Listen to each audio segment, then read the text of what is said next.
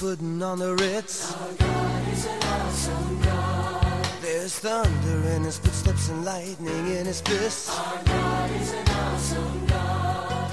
And the Lord wasn't joking when he kicked him out of Eden. It wasn't for no reason that he shed his blood. His return is very close and so you better be believing That our God is an awesome God. God kvöld og velkommen til sendingina en forvittneslig fyr og Jøgnu Bibelen. Og i studion sitter jeg Søymen Absalonsen, og i syna mer har vi Jekvann Zakariasen. Jekvann, god kvöld. God kvöld. Og velkommen. Takk for det.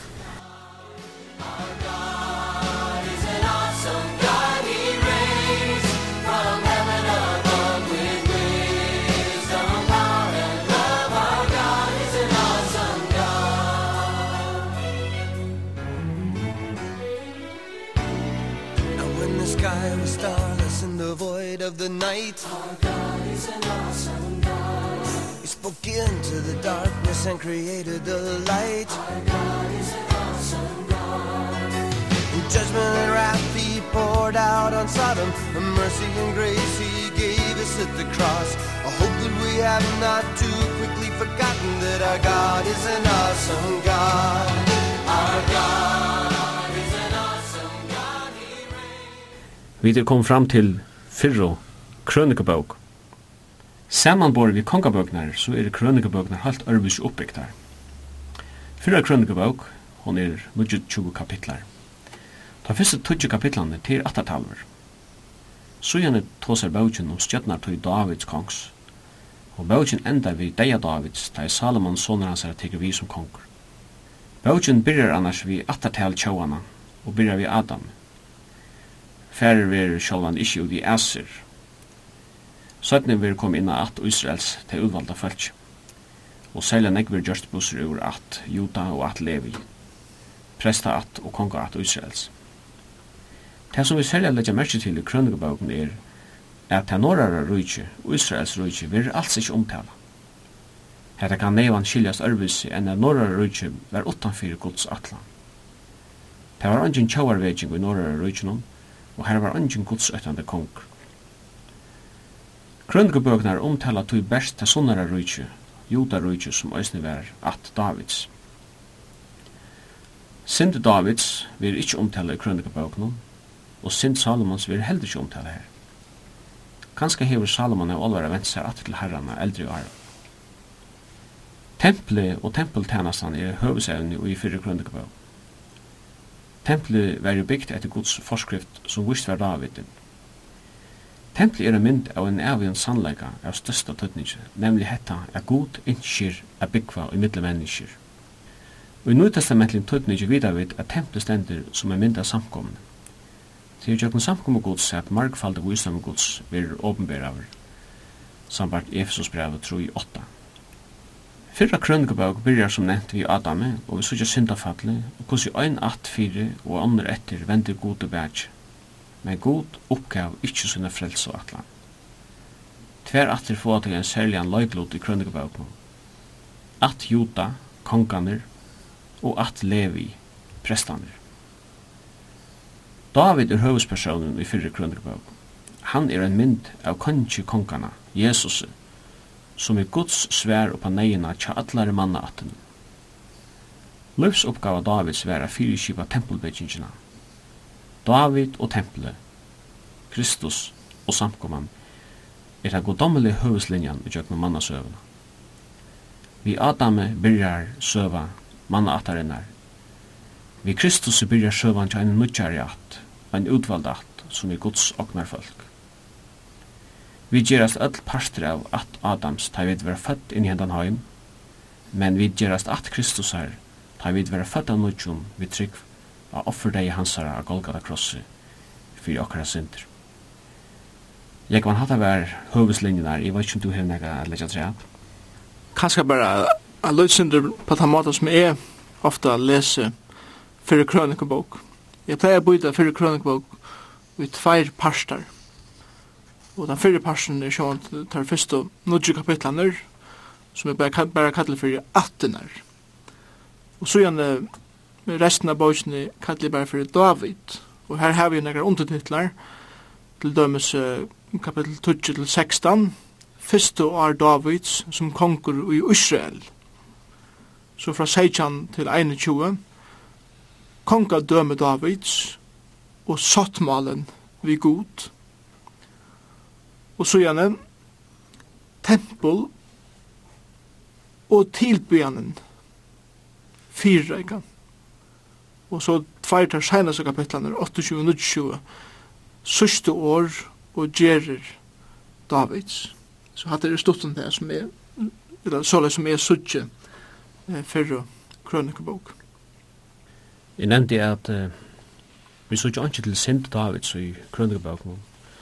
Det har jo gjort nekk på sjøen i Kongabøkene. Hatta virkar ofta som en landarmal. Ja, det er alt det er at det viser eisne endamal vi bókjene.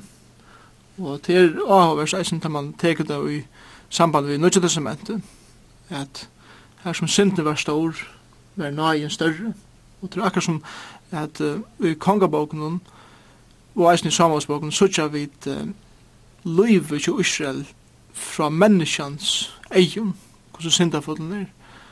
Men, men her, herfra så sutja vid uh, bøknar i egin fra en god som er fyrir tjuv synd, og tøy fyrir synden ikke engang nevnt. Ja, til nevnt at vi nødja testament, jeg kom ihåg som en mann som lott, vi sutja av vanlig lega feiler vi innan, vi gamla testament, men tar vi tejun nødja som så var han bare kalla fin rattvis og lot. Ja. Vi tar vi tog som lot så så så jag bara en man som som inte ber heiter rättvisor. Men god kallar han rättvisan. Og at det nok atre til som du var inne på er at, er at uh, blåi kommer i middelen. Og det er alt sian, det er ikke bare, ikke bare løyven som David og Lot, men og i munnen løyve og ikke okken øtlen, blå Jesus er det som er alt avgjørende. Og om vi er rensa i blå Jesus, så kunne vi eisne være kalla i rattvois og egen gods. Til det som god ser, han ser blå. Ja, han ser okkun i jøknun sånsun, Jesus Kristus. Og da han ser okkon i jøknun sånsun, så teker han i måte mer som om er sånne han ser. Ja, vi sørger at Sindav sier ikke omtale i Krøngebøken. Er det noe annet som er helt ærvis uh, sett fram i Krøngebøken, samarbeid ved Kongebøken? Ja, det er helt sikkert. Vi tar et hos om avur at uh, det materialet som vi har i bæg i første og ære samlagsbok og første ære kongabok er det samme materialet som vi har i fyrre og ære krønikabok. Vi tar ikke etter uh, søvu Israels nu fra imenskun sjónarmiðum. Samansbøknar og kongabøknar hitje etter Israel meir fra en sånn politiskun, militæriskun sjónarmiðum, hver krønlegabøknar hitje meir etter Israel fra Guds sjónarmiðum og kanskje fra sjónarmiðum tempelsins. Og til tøy er det eisen så at han vil lesa bøknar, så er dentur lagtur av imes ting fyrir oppfylla endamal bøknar. Og jeg kan nevna nøkker ting som er om eh, som kunne seres kontraster av i hessen boken. Til dømes i Samuels boken og kongaboken eh, som du nevnte, Johanne, er bæge til sunnare og til norrare rujtje omtala. Hver i krønikboken har vi nu bæra til sunnare. Til at det var vi til sunnare rujtjen god yngst i at utføre atlansvinna. Og i Samuelsboken og kongaboken er stor avhersla lagt av kongadømme og alle kongarna som rådde og, hvordan det var. Men det var kommet til kronebøkene er for kongadømme seg selv, akkurat som atter om og tempelet kommer fram om. Det er, det er mest omtala. Samansbøkene og kongabøkene gjør okkur politiska søve og militæriska søve, hver kronebøkene gjør okkur samme søvene, men fra en religiøsen sjånarmige. Og i Samuelsboken og Kongaboken er avhørsla lagt av profetene Og sjående var begge Elias og Elisa, store pastor av Kongaboken. Hver og i Krønningboken har vi mest prestanar. Hver var empade prestanar. Og hva gjør det der? Og i Samuelsboken og Kongaboken har vi nekv krutsk, og nekv krutsk. Men i kronikboken har vi ikke så nekv. Og i uh, Samuelsbok og Kongabok har vi skriva fyra okkum hvordan bægi røysene fatla og fyrir vera tidsen utleggt. Men krønikabøkken enda vi faktisk at det er en trøst fyrir teg som er ferdig utleggt. At god hever en atlan vitt og han skal føra teg heimater.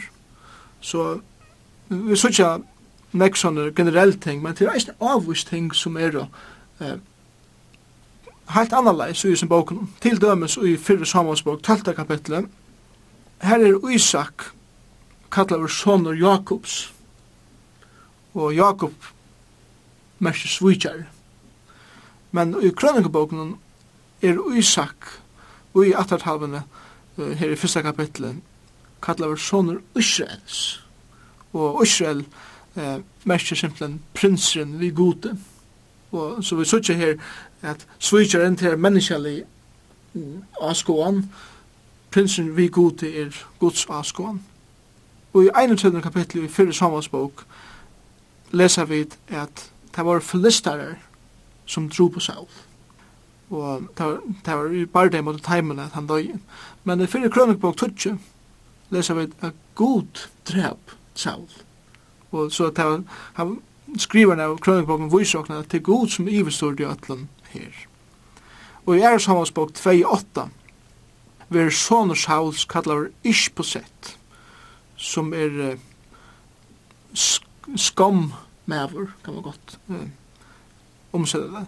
Og i fyrir på 8, 33, ver samme sonur Sauls kallar Eshbal, som er sonur Baal. Så han, han viser av hva hesson maver praktisera i, at han var avgod av tilbjær. Og eisne til dømmest har vi tidsje etter ørskjene, da var ført til Israel, eller til Jerusalem. Og i Æreshavnsbok 6, han, han kapittel omtaler til, en kapittel. Og i Kronikbok, fyrir Kronikbok, har vi trutja kapitler som omtaler hvordan Ørskja var ført til Israels 13., 15. og 16. kapittel. Og som lei som vi nevnte Johannes, sind Davids er ikke nevnt, og heller ikke er sind Salomons nevnt, og, og er, er Kronikbok.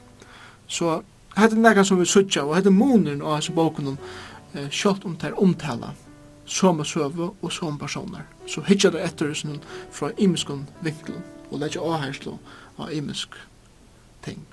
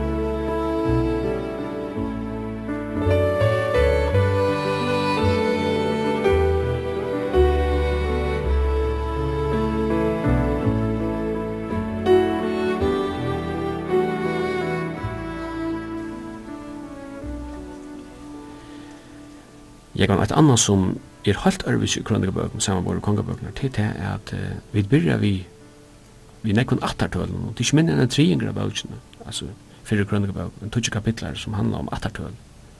Hvordan blir det til at det høyre heim her? Ja.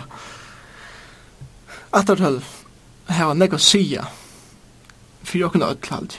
Jeg haldi at hvis vi skulle skriva fyrja søvu, men hadde ikke nokon nøvna av vysa hva vi koma fra, så hadde du ikke haft et godt grunndelag for å kunne skriva en slik søv. Og det er det samme som hender her. Nå fer skrivaren av krønikboken at jeg viser okkon søv og Israels. Og han får skriva nyer hva hendte i Israel. Men han byrjar fra byrjan av. Og han får vise hver vi kommer fra. Hver, hver er opprunni okkar. Han byrjar fra Adam lika fra byrjanne, og han fyrir å vise hvordan god utvalgte mennesker, hvordan han hever utvalgt et særlig folk, hvordan han hever signa deg, hvordan han hever først deg og kjøkken løyve, at han veien. Og nøvn er jo tuttninga mykje, av til at nøvn er ikke bare et navn som sjálfum, men det omtalar ein avvisen person, som hever en avvisen familie, som fikk avvisbøten, og som hever først til det her punktet som det er kommet til i det. Ja? attartalver hadde eglan eka sia ui Israel. Og det var en parstre av tæra eh, borgarskapet, kan man godt sia. Det var fundamentalt fyrir, fyrir altså, at det kunne eksistera, at det visste at her kommer vi fra. Og det var ikke noen eisene at god er ahu over i nøvnen. At god er ahu over i einstukken personen. Og jeg har ikke husker, jeg husker, jeg husker, jeg husker, jeg husker, og jeg ser tøyene her. Hei mitt navn kom av en slik atartalv. Og hvis det hei kom, hei det kom som en godsmæver, eller som en avgoda av dyrskar. Så navnene som vi heva her er veldig mennesker, på samme måte som vi er veldig mennesker, og det er kommet i skriften der, det er god valgt at sette tarra navn enn her. Og jeg kan ikke lade være at nevne i hese samband, ja, nu er det som heter, det byrjar vi uh, attartølen. Ja. Jeg har uh, lyst i ångestene at uh, at jeg betrakter attartølen attartølene så uh, høylo, kan man si, at hvis de miste sin attartøl vekk, så var det som om en, en parst av han selv var blitt amputeret av. Ja. Og så gjør jeg sin i skriften er at uh, Levita ble utelokket fra pressetjenestene uh, visse attartølene var horven i samband vi tar han kom hjemme fra utleggene. Ja så fundamentalt var det tja Íslandsfjölds ta. Og, og tog, tog er det områdende at heva og at bruka sånne ekka tøy på attartøy her. Ta det nu for å ta seg om tempelet, om pressaskapen og om rujtje hele tiden. At dette er det som vi grunda alt av. Man kan si at attertøylen er et slags fundament for tog som vi er vidtjør søttene i bautin. Ja. Yeah.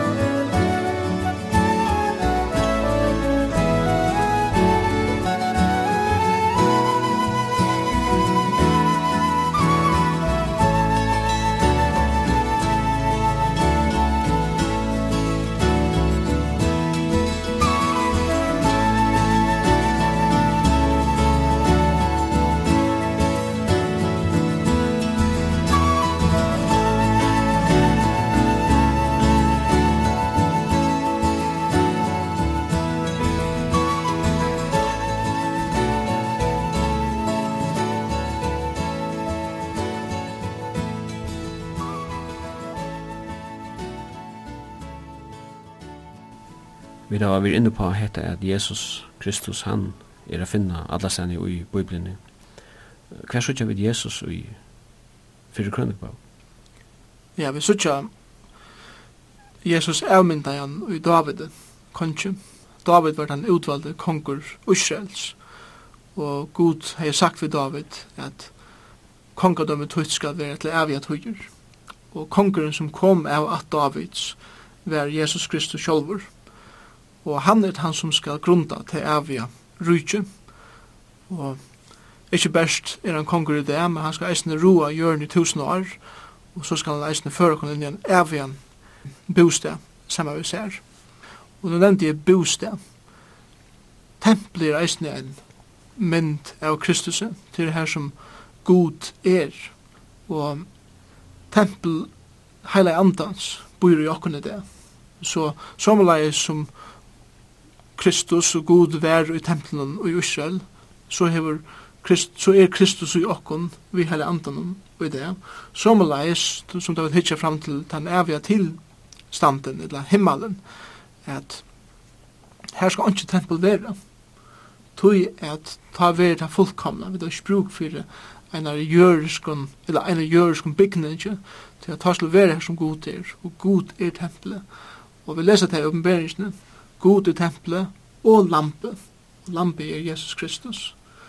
Så tempelet er en, er en mynd av Kristus her i fyrir krønkebok. Vi har nevnt at tempelet til hevren en større løglod i fyrir krønkebok. Eller fyrir røykingen av, av. Men vi vil at her at uisesmenn tar høtt jo en halsedom.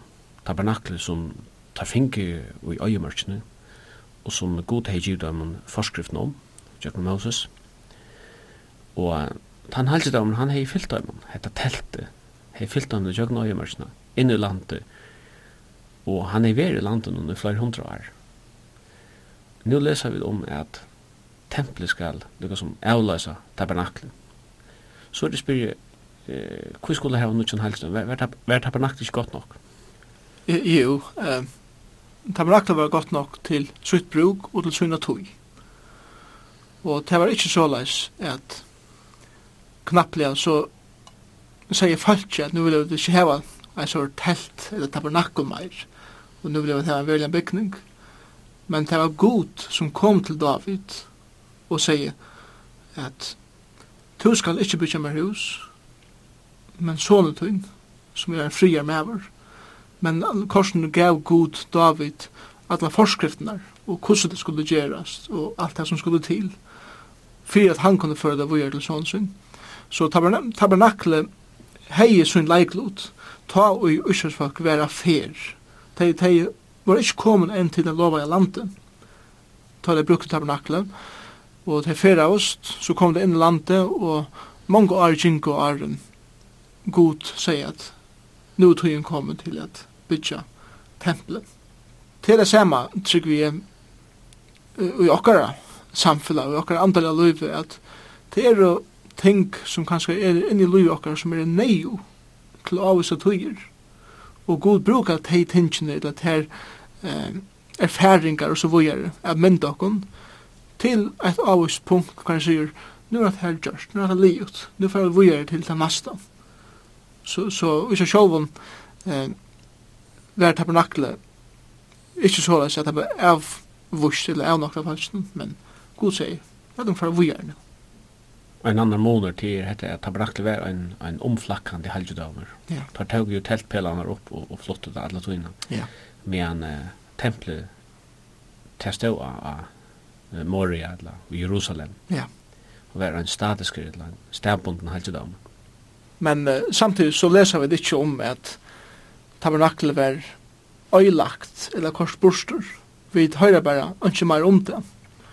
Og sommerleis trygg vi eisne at sjalt om tempelet var en avvisen sted, så bant det ikke god til at avvisen sted.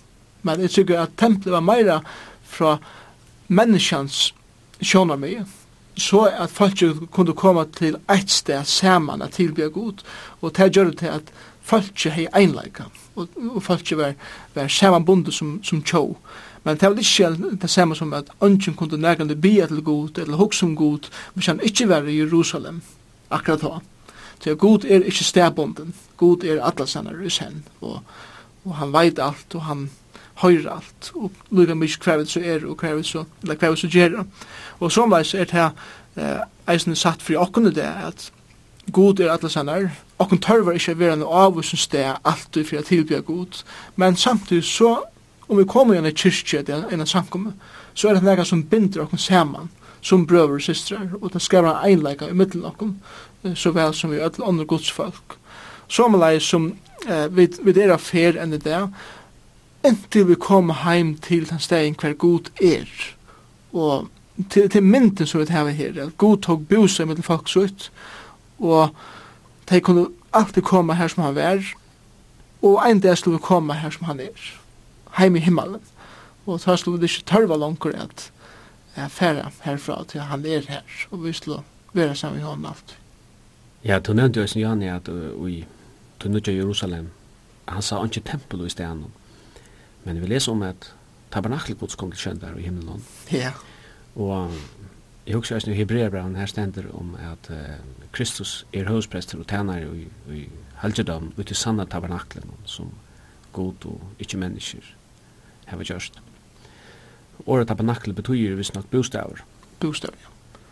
Og til, til dømes, uh, leser vi det om Johannes 1.14, at uh, året var holdt, og det tog bostad, og det året er tabernakkel, det året tabernakla i middelen okkara, fotler av nøye og kærleika og sannleika.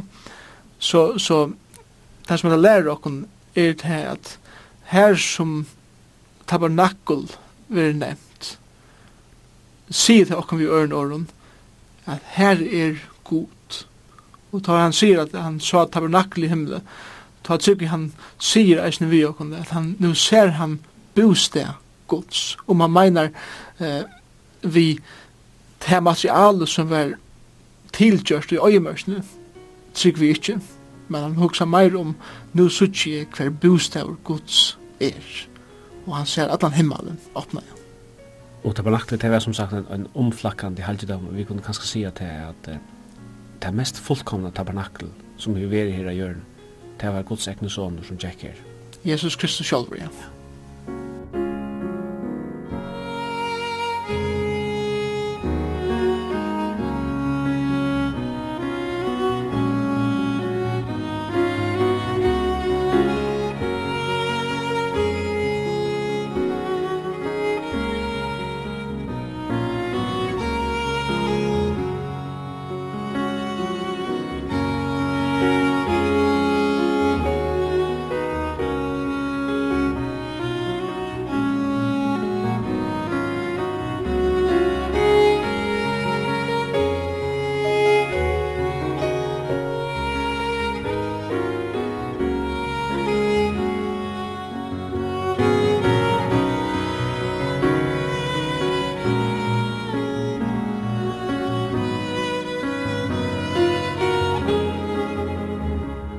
Musik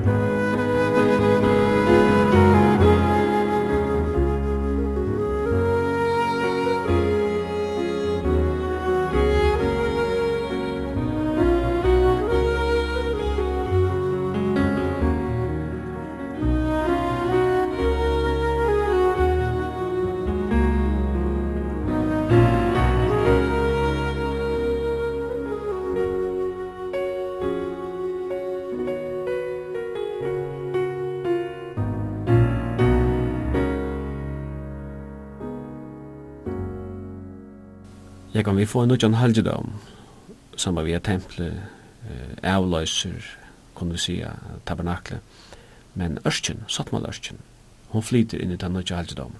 Ja.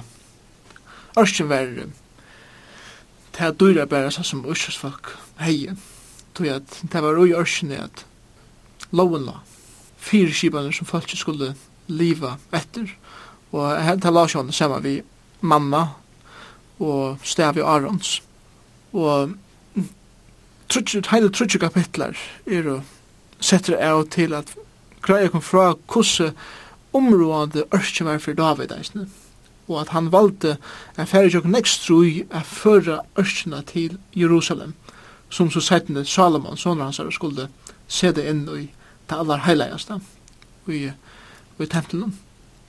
At, at det viser okken kanskje til at eh, rammanar, som man sier at tempelet eller tabernaklet var, var faktisk rammanar rundan om sottmalørkina. Det kunne brøydast. Men sottmalen er det samme. Og han, han må alltid komme vi okkur den her som vi færre. Og det er samme hvis vi tenker det til okkar det er etter det. Så er eh, en sankom eller kyrkjebygninger rammanar rundan om eh, tan sottmalen som vi representerer inni ut i bygningsen men det kan være ene hver bygninger, men sottmalen, det som vi lærer, det som vi tryggva, må være det samme. Og det er det som er kjennest her. Og tog var det at han skiftet ikke sottmalen ut. Han brøttes ikke, men rammene brøttes.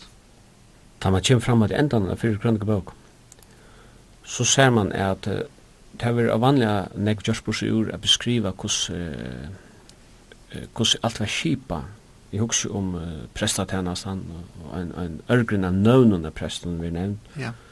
Og sankarar, nekku sankarar og tar hetta sin oppgåve. Vi lesa om omsjónar menn. Vi lesa om uh, dora vaktarar og kvarta sunnum. Flere kapitlar som omtala hese vi skift nær. Ta minni meg at eh uh, til skilui her som god er.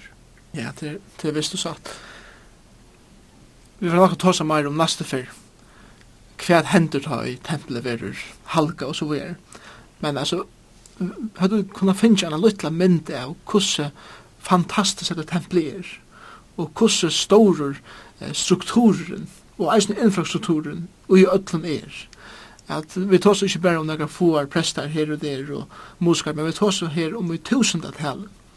Til dem så er det 4 000 sangarar og tónleikarar i tempelen. Og alt var skipa, lykka fra det allar, allar minsta. Tøya god er en skipar og god, hver, hver til skil i ötlen som han gjer. Og høves oppgavan tjale vittnen og tæm som tante i tempelen var at utan at te atlan og ter fyrskipaner, precis som god hei fyrsett. Jeg tykker jeg vil kunne lære og tro den ekka tøy som samkommer og kyrkjer vil jeg. Så jeg tar vi kommer til nødgjøselementet, så har vi god sett nægar avviser fire skipaner som vi er livet etter. Og for det første er det heilig anden som leier samkomna. Og han leier han einstega i livet. Men om du tog atter, så har vi god sagt at her er nægar meirregler som vi eier fylgja. Og samkommer som er vel skipager, fylgja vel åre gods. Og her hugsi om eh, vi elstun, og vi samkommentanaren, og vi leiaren, vi tonlesammannen, vi talaren, vi bønarfolkje, vi imsus løven og tænastun, alt, at alt er eh, skipa, og en andan en tuttning. At det er god som ivesturer, men, men det er vi som ut, ut inna eh, versgods. Og god er ikkje god avskils, men god friar. Att ordet friar kan eisne omsettas eh, god skilar. Alltså han, han är systematiserad och tog jag vid eisne att vera det. Man huxar ganska det man läser om hur sig alltid kipa är att hetta man hetta man verkar inte styrve det fräschas man ganska till också men det man läser så ser man att det var ösn plats för eh, tog spontana och i gudstjänsten. Hugsa om Asaf och Sankarner som ja. spalte och sunker för herran og, og det er det som er veras. Det skal ikke være så planlagt at det er ikke plass for noen øren. Det handler balansen som uh, god viser her. Og da så tempelet ble innvåja, det kommer vi inn på neste fyr. Ja. Da finner prestene slett ikke, eller da kom slett fram med, at da er herrens fylte tempelet, da finner ikke gjørs sinne tjenene som stender. det er med det. Så det er noe som er oppe til sterskere. Ja ta vi kommer fram til endan av fyrir Krønnebøk, så sykja vi det at uh, David dør, og Salomon, han teker vi, og det er han som så fyrir under at uh, bytja tempelet, og vi sykja kongadøm, det kvar vi er, og presset hennes han, hon er her. Hvis vi nu skulle si henne, jeg sørst om fyrir Krønnebøk, jeg kan kvæt, vil du leggja træt? Ja, nu tar nevner om uh, kongadømme og pressaskapen, så har vi eisende seg nekv om profetanar. Og Jesus Kristus oppfyller ötlis i her troi. Han oppfyller kongaskapen, han oppfyller prestaskapen, og han oppfyller profetatennasna Og i egen person. En konkur kunde ikke være prester, en prester kunde ikke være konkur, men Kristus er, er alt. Og Kristus er konkur okkara. Han er han som ræver ötlun, han er han som viser okken av kvæt vit eia i hånden. Kristus er eisende prester okkara. Det er at han representerer okkon framfor i asjon gods. Og han får inn i halvgidomen, og han gjør det alt som skulle gjøres for at min synd kunne være rensa, og han legger meg framfor god og sier, jeg har gjort det som skal til. Men sommerleis er Kristus eisende profeter okkara. At han djeve mer oppenbering Guds. Det er oppgaven til en profet at sier hva Gud sier, og til det som Kristus gjør i livet okkar eisen i tjokken skriften her, at han viser okkon hva Gud har oppenbera for okkon at livet etter, og i dagla den. Ja, og vi har sånn åren så halte jeg at jeg for at sier takk for at du er på et livet. Takk for det som leis.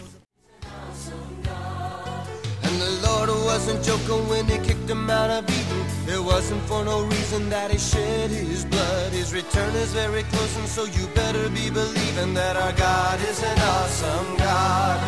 Our God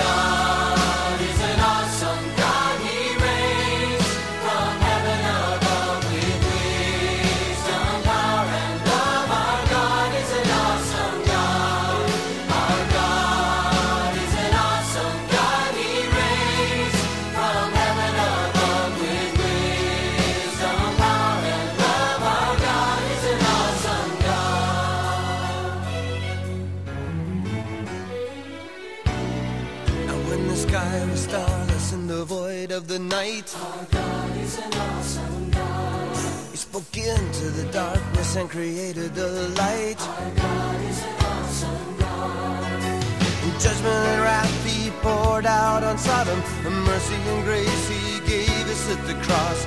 I hope that we have not too quickly forgotten That our God is an awesome God. Our God.